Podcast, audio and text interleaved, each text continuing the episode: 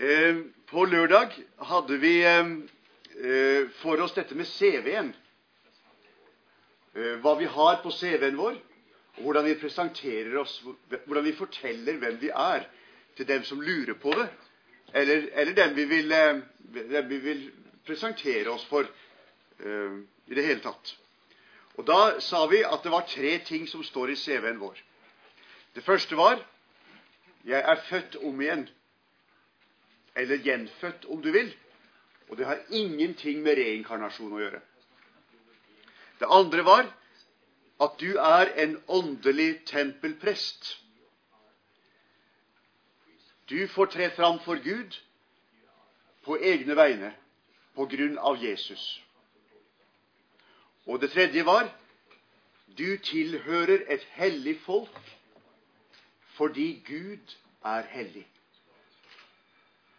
Når Gud er hellig, så helliggjør han alle som hører til hos ham, slik at vi kan være hans og lik ham. Så altså født om igjen, åndelig tempelprest. Jeg tilhører et hellig folk fordi Gud er hellig. I dag skal vi snakke om noe annet enn CV-en. I dag skal vi snakke om levekår. Nå vet vi jo det at eh, jeg tror det er Statistisk sentralbyrå jeg, som driver og undersøker hvordan folk har det. Eh, studerer både inntekt og helse og utdanning og fritidsvaner og familieforhold og jeg vet ikke alt. Det kanskje noen kan dette her også. Men det er, det er noe sånt som heter levekår og levekårsundersøkelse. Når vi har med oss denne CV-en, så kan vi jo spørre hvordan lever vi som er født på ny, som er åndelige tempelprester og et hellig folk? Ja, så flott som disse tre tingene er, så skulle man tro at vi levde i herlighet og glede fra morgen til kveld, og på en måte er jo det også sant. Men vi må høre hva apostelen Peter sier om våre levekår. Da skal vi for det første snakke om det som er normalt. Ja, hvis folk sier ja, alt er normalt, så er jo det en grei melding. Det er sånn som vi for så vidt gjerne vil høre. Ting går greit.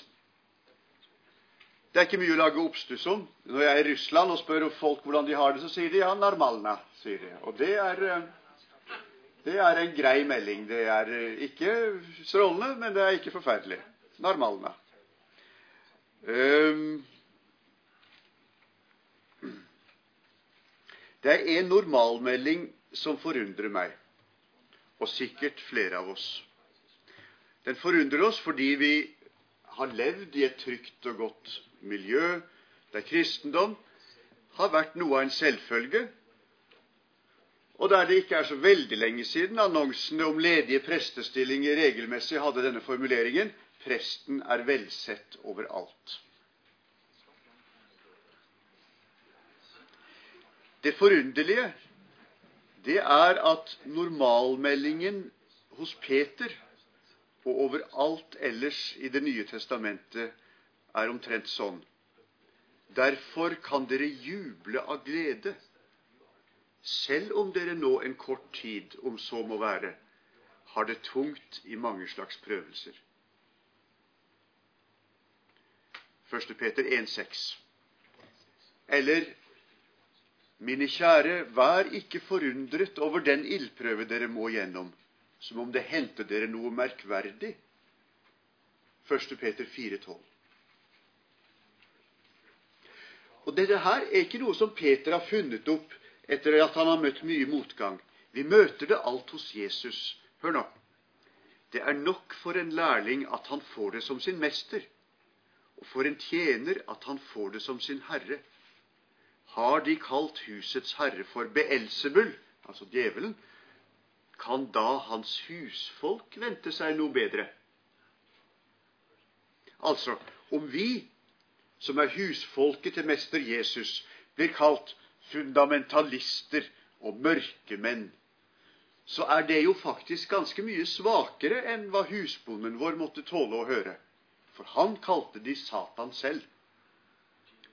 Om vi blir beskyldt for å drive mennesker til selvmord, det blir vi regelmessig i avisen, fordi vi holder fast på at samkjønnet samliv er synd, så lærer Skriften oss at det er slikt som er å vente. Apostelen Paulus er rett og slett fortrolig med Han er godt kjent med og vant med det som han kaller for mange slags prøvelser. Og han sier vi er alltid presset, men ikke knekket. Vi er rådville, men ikke rådløse. Forfulgt, men ikke forlatt. Slått ned, men ikke slått i hjel.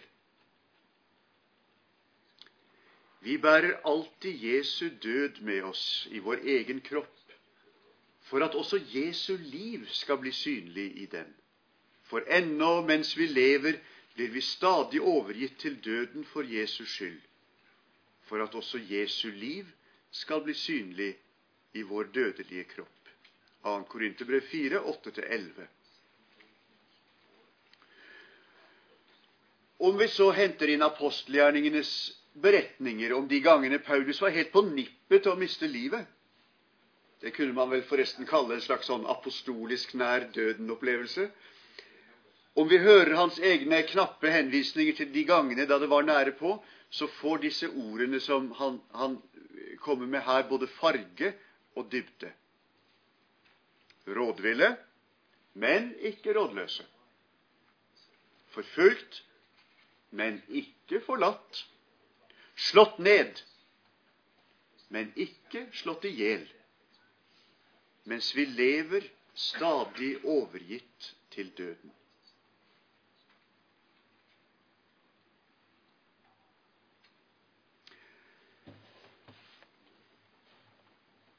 Har vi det tungt?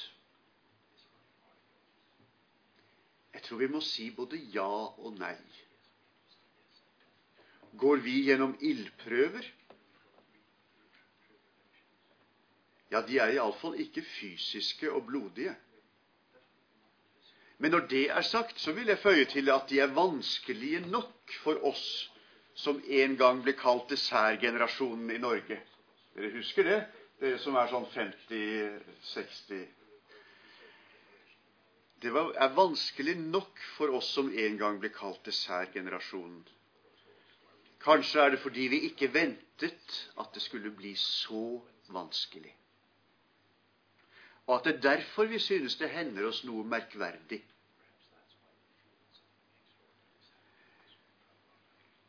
At vi hadde forventninger om at vi til tross for noen sleivete bemerkninger og en sånn viss passiv motstand og litt rynking på nesen, i bunn og grunn skulle være så noenlunde velsett overalt. Kanskje fordi vi trodde at hele Kirken skulle stå sammen når sekulariseringens og gudfiendtlighetenes bølger slo inn over landet. Og når det ikke skjedde, ja, så ble vi forundret over den prøven som vi i alle fall synes at vi ble satt på.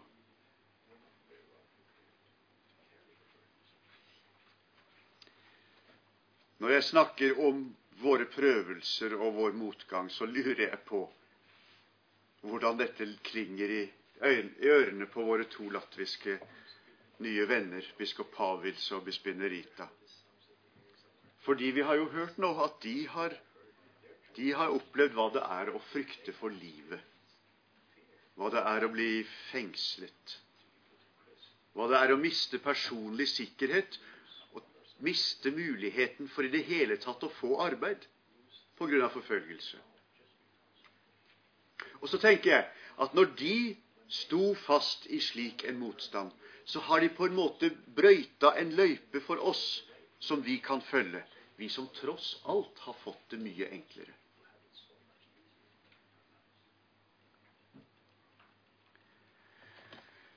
For noen få uker siden markerte vi at det er 30 år siden en stor prøve for Guds folk i Norge satte inn loven om fri abort.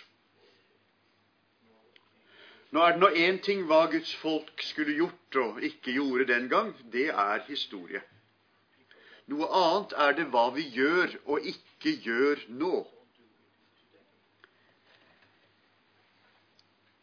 Jeg kjenner det sånn, om dere har det sånn som meg, at det er knapt så vi orker å tenke på hvor forferdelig det er at hundretusener av små mennesker er drept på sykehusene våre. At samfunnet, familiene og fedrene har overlatt til den enkelte mor å det de kaller ta avgjørelsen om liv eller død for barnet sitt. Avgjørelser som er tatt under press så veldig ofte, og som etterlater traumer hos mor for resten av livet. Vi orker ikke å snakke noe særlig om det. Og det er ikke mulig å føre en vettug offentlig debatt om, om disse spørsmålene.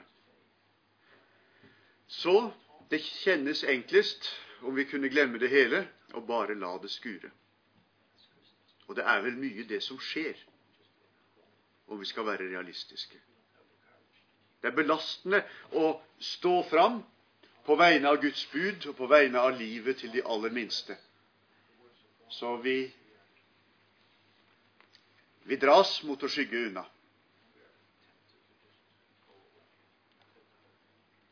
Det er 30 år siden den prøven begynte. Og nå er vi i første fase av en ny, stor ildprøve. Loven som dekonstruerer ekteskapet og setter en ny konstruksjon istedenfor Guds skaperordning. De kaller sin nye konstruksjon for ekteskap. Men det de har laget, er slett ikke ekte. Og slett ikke noe ekteskap. Kanskje skal vi kalle det lovregulerte samlivsformer, f.eks. Vi må finne et annet ord, for de skal ikke stjele vårt ord. Hva kan vi gjøre for å bevare ekteskapet nå, når til og med navnet er stjålet? På samme måte som humanetikeren i sin tid stjal ordet konfirmasjon. Det er en stor utfordring for oss som både skal og må ha den institusjonen som Jesus snakker om når han sier har dere ikke lest at Skaperen fra begynnelsen av skapte dem til mann og kvinne og sa:" Derfor skal mannen forlate far og mor og holde seg til sin hustru, og de to skal være ett. Så er de ikke lenger to. Deres liv er ett. Det som altså Gud har sammenføyd, skal mennesker ikke skille. Matteus 19, 4-6. Det som skjedde her i Norge i forrige uke, er en ildprøve, selv om den neppe vil koste blod og liv. Og Det store spørsmålet nå er om Guds folk vil komme helskinnet gjennom ildprøven.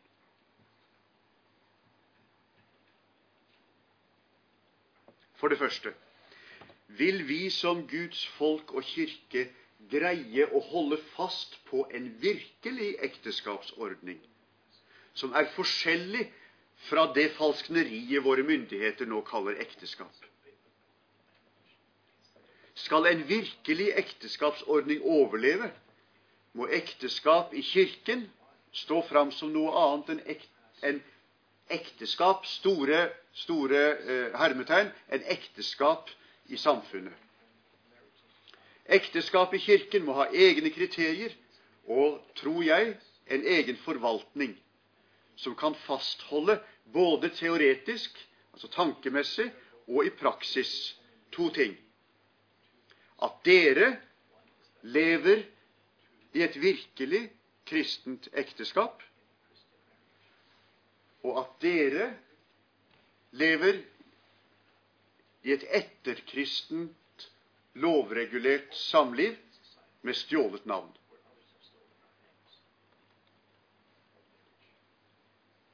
Hvorfor skal vi være så nøye på dette? Fordi vi allerede har mer enn nok erfaring på hvor snikende glidningen bort fra kristen tanke har vært etter hvert som samboerskapet har sivet inn i folk og kirke og blitt akseptert.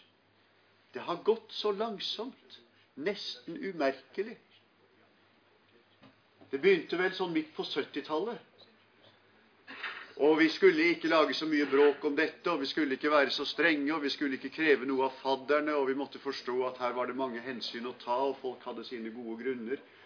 Og, og, og dette er jo for så vidt ikke så galt, selv om det er litt galt. Så som vi snakket om sist, samboerskap har jo sine etiske kvaliteter, og det er jo så mange, og besteforeldre og, og pensjonister og ungdom og om hverandre.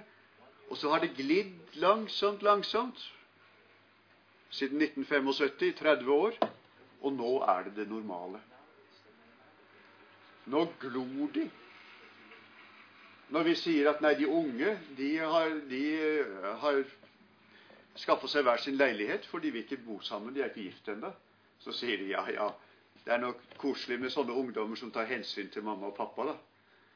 Og så sier vi nei, det, dette er deres eget valg. Og da blir de stående og gape. Sånn har det blitt. Denne langsomme glidningen er livsfarlig. Jeg får ta den der, der eh, som jeg også tok her jeg tror i fjor. Det er, som, det er som med frosken som ikke ville bli kokt. Dere husker frosken? Nei, jeg vil ikke bli kokt, sa han. Ikke tale om, jeg vil ikke bli kokt. Tja, sa kokken. Men eh, hvis jeg nå har litt kaldt vann oppi en gryte, da, og så og så hopper du oppi, og så bare setter jeg på ørlite grann varme. Ja, ja, sa frosken. Det, det, må vel gå, det. Det er ikke så dumt med litt varme i vannet. Og vips, så var den kokt. Det har skjedd med abort. Det har skjedd med samboerskap. Og nå er det ekteskapets tur. Og vi må knesette noe annet som kan bevare det at ekteskap er det som Jesus har definert her, og som naturen for så vidt også ellers lærer oss, om vi bare leser den rett. Det er Kirkens ekteskap, og alt annet er humbug.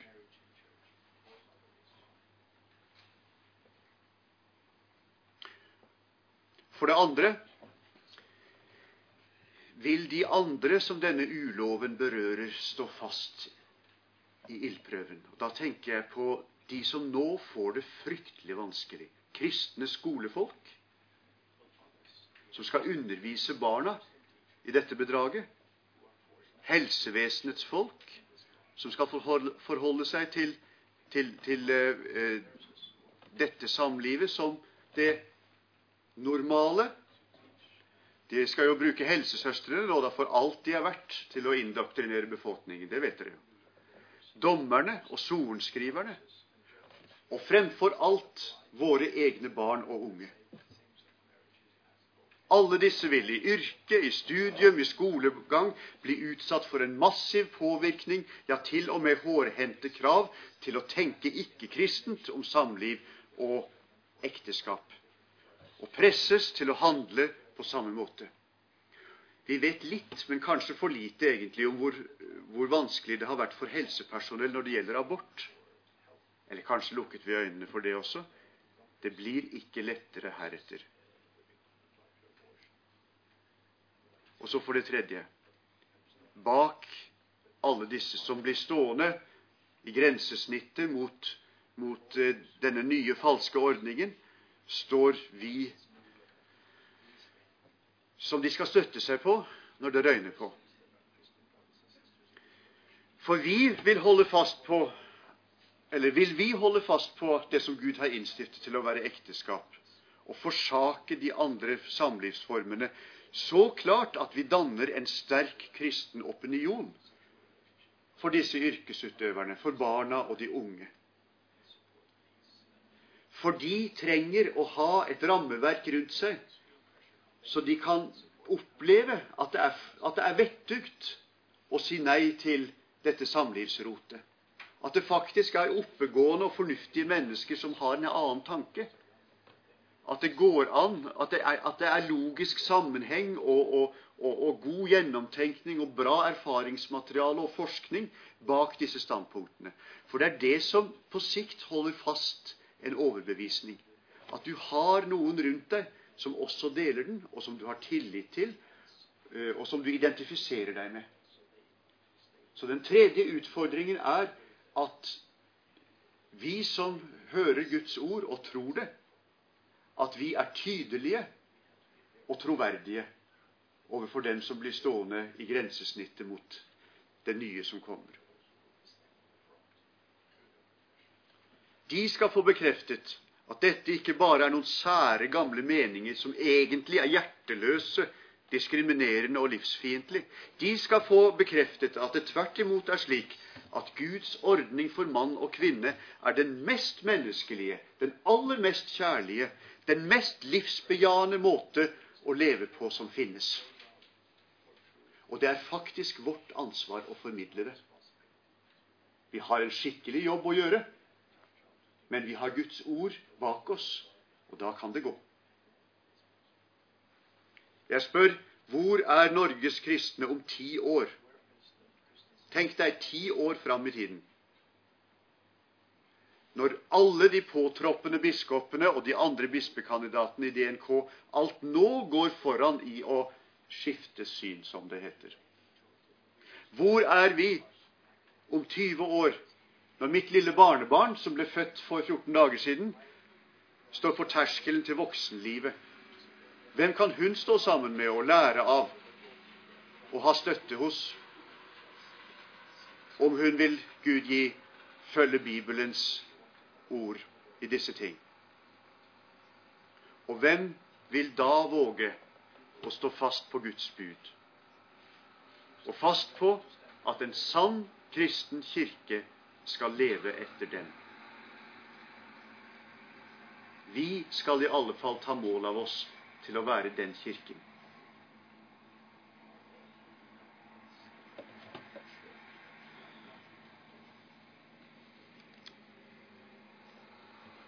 Det ser ut som Vestens ildprøver ikke har fysisk ild, selv om det heter ildprøve. Ikke har fysisk ild i sitt arsenal.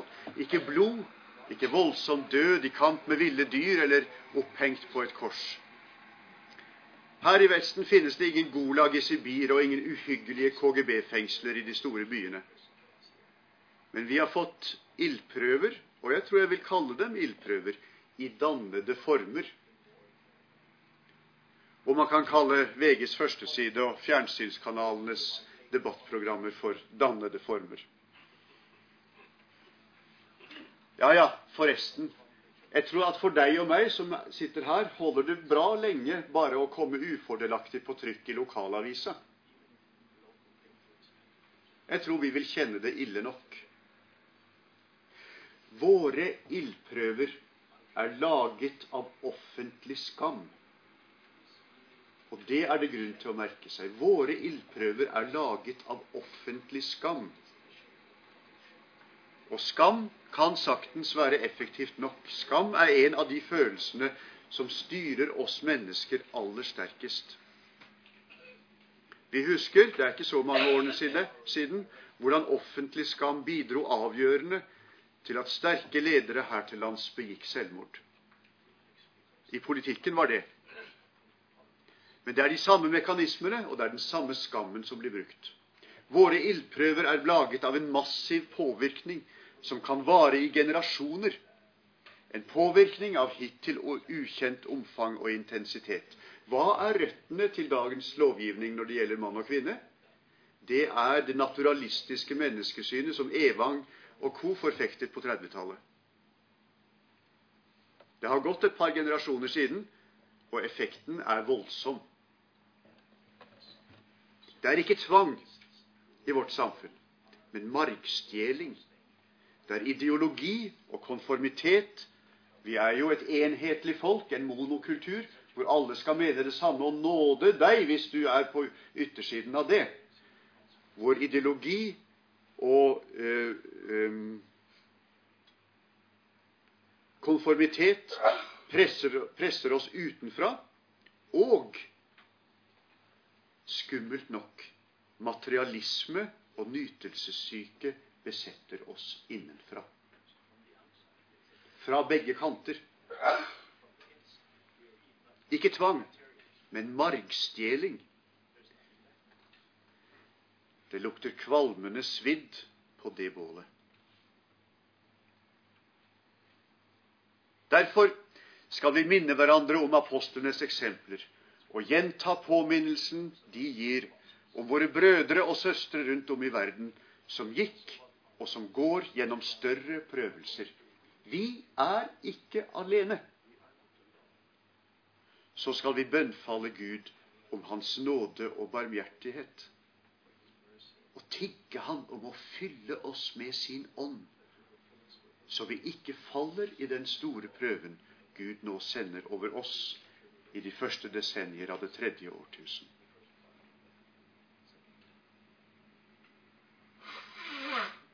Vi har altså snakket om våre levekår. Ikke CV lenger, men levekårsundersøkelse for kristne. Og det er altså sånn at for det første prøvelser er helt normalt. At begynnelsen av det tredje årtusen har noen spesielle ublodige prøvelser for oss, at de akkurat nå er knyttet til landets lover om selvbestemt abort og om såkalt ekteskap, og setter vår trofasthet mot Guds ord på prøve. For det fjerde at våre motstandere bruker offentlig skam som våpen til å bekjempe oss. Nei, ikke til å bekjempe oss, men egentlig til å bekjempe Guds ords sannhet. Og for det femte at vi vil be Gud gi oss nåde og ånd til å stå fast.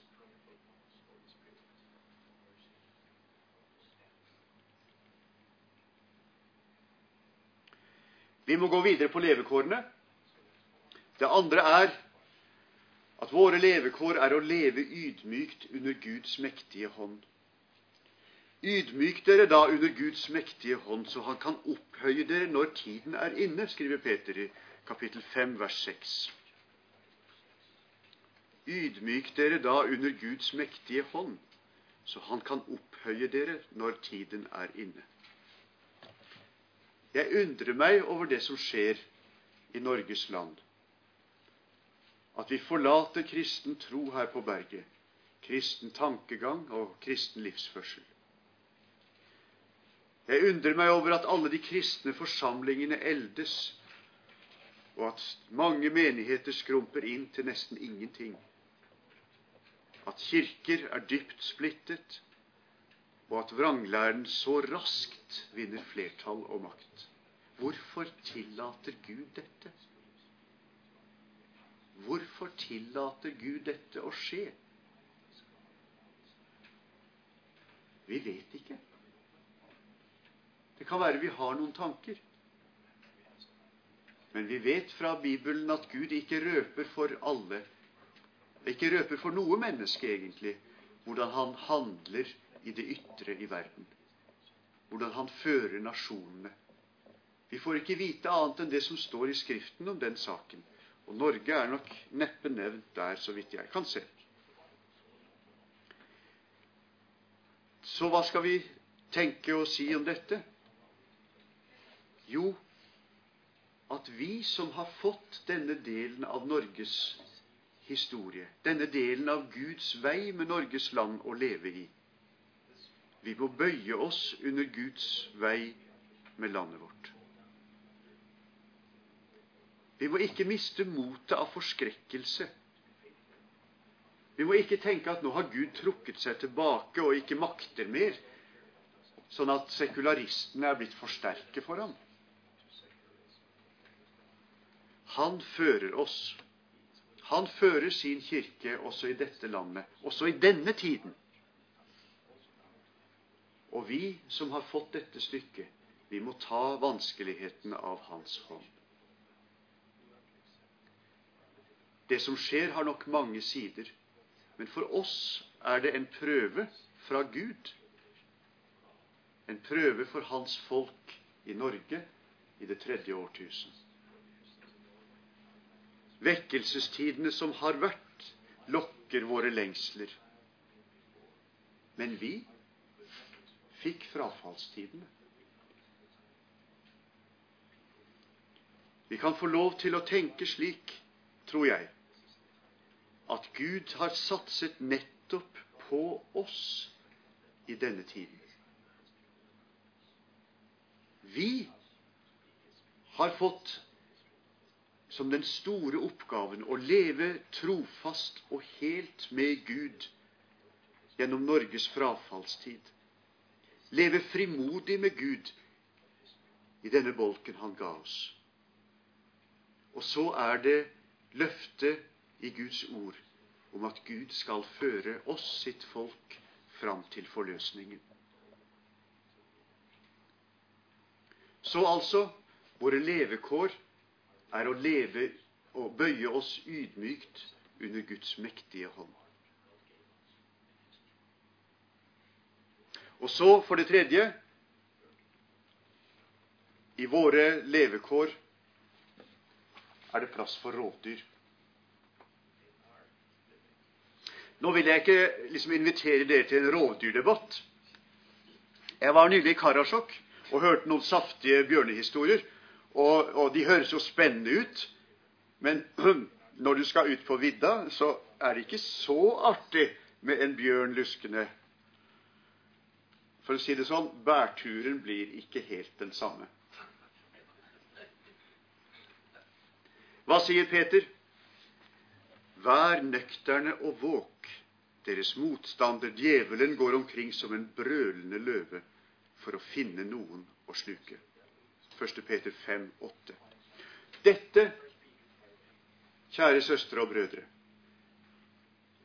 er det åndelige livet. Løven er ikke alltid så lett å se, men svært virkelig. Sånn som bjørnen. Ikke så lett å se før han plutselig dukker opp bak en tue med molter og egentlig ikke liker at du har menget deg i matfatet hans. Kan det være sånn at vi på en måte er, at vi er blitt så vant til dette løvebrølet at, eh, at, det, at det, glir inn i øret vårt som, som hjemmekjent støy? Tenk bare etter. Vi hører om Jeg ikke bare hører om, vi kjenner noen som har ja, slått opp med Gud, var det en uh, ung sangerinne som sa. Som har sluttet å bekjenne troen. Og det er løven som har tatt sitt bytte. Vi hører om noen som faller i grov synd og ikke vender om. Ja, kanskje kjenner vi noen også. Det er løven som har slått kloa i dem. Vi hører om noen som gir etter for vrang lære. Ja, de publiseres i avisen. Ja, som jeg sa i sted, de er bispekandidater og blir valgt. Det er tragedien, kjære venner, for det er løven som har satt tennene i. Vi hører og leser at troens mennesker forhånes og tråkkes på. Og det er løven som knurrer og venter på sitt bytte.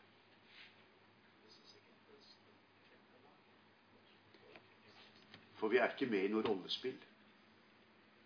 Det er ikke sånn at vi om litt kan blåse av det hele og trekke masken over hodet og puste lettet ut. Dette er livet, og det er ramme alvor. Vi har en grusom fiende som bare venter på hvem han neste gang kan slå kloa i.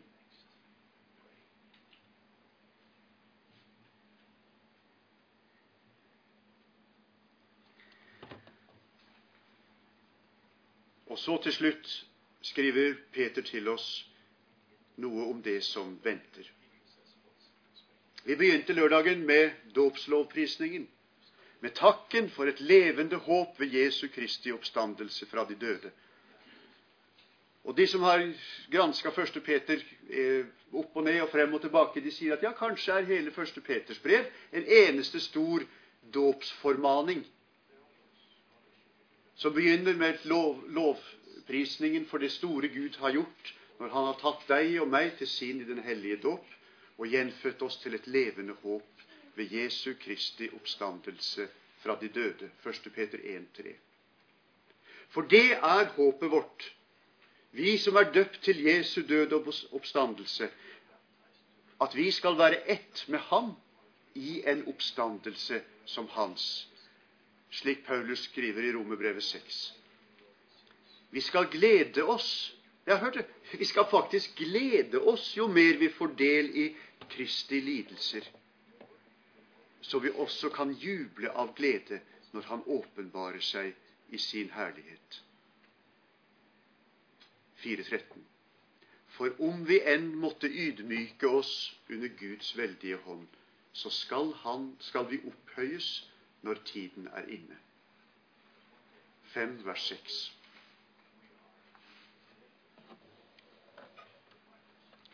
Kranser som visner kjenner vi best fra kirkegården, iallfall jeg. Og det er et trist syn i dobbel forstand, både fordi graven i seg selv er et trist sted, og fordi kransen som har mista hele spensten og bare ligger der flatt utover, er en dobbel tristhet. Jeg tror ikke Jeg vet ikke, men jeg tror ingen av dere har fått noen krans noen gang sånn. Men jeg husker at skøyteløperverdensmesteren Knut Johannessen og han derre Fred Anton Maier, de fikk kranser, de. Så gikk de æresrunden med krans, stor krans rundt seg.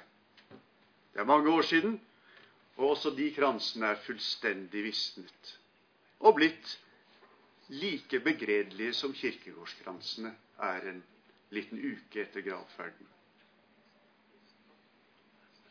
Men det er andre kranser som venter på oss.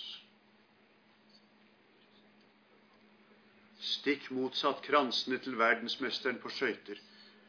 For vi er ikke verdensmestere. Langt ifra. Vi er bare fattige syndere som tigger om nåde. Og som får nåde, som får hellighet, og som til sist får forløsning om vi bare holder ut. For når overhyrden åpenbares Når overhyrden åpenbares, skal du også få herlighetens krans. Den som aldri visner.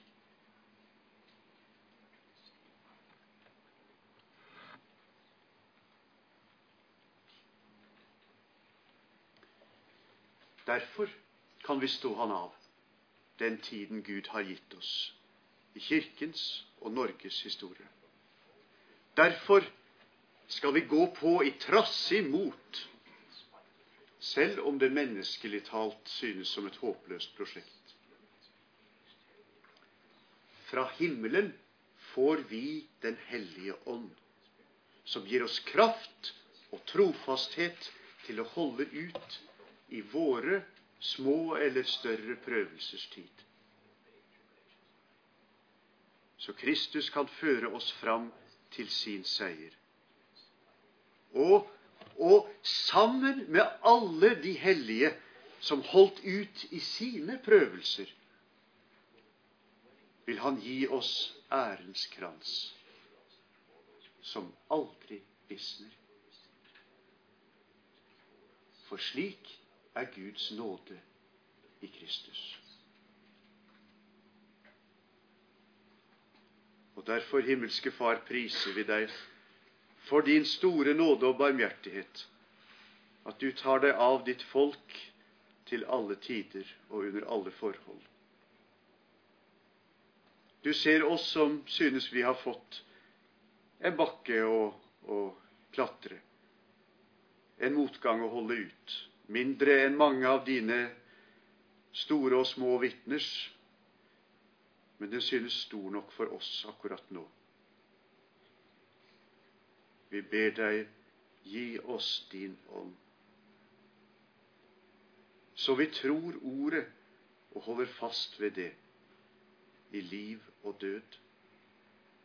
Gi oss din ånd, så vi er modige og glade når vi vitner om din sannhet.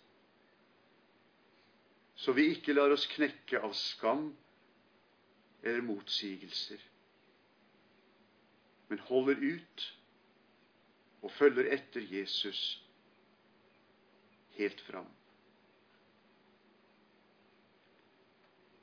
Vi ber deg, gode Gud, for de små øyeblikkene der vi fristes til å slå blikket ned, der vi fristes til å tie, eller der vi fristes til å være kjepphøye og frekke. Send oss din ånd, så vi kan være sanne vitner om Jesus, om det livet som du har beredt for alle mennesker her på jorden, det gode livet og om kransen som venter, ærens krans. Gode Gud, tilgi oss alle våre svikt, alle våre fall, all vår feighet. Og la oss til sist nå dit hvor du har ærenskrans i vente. Amen.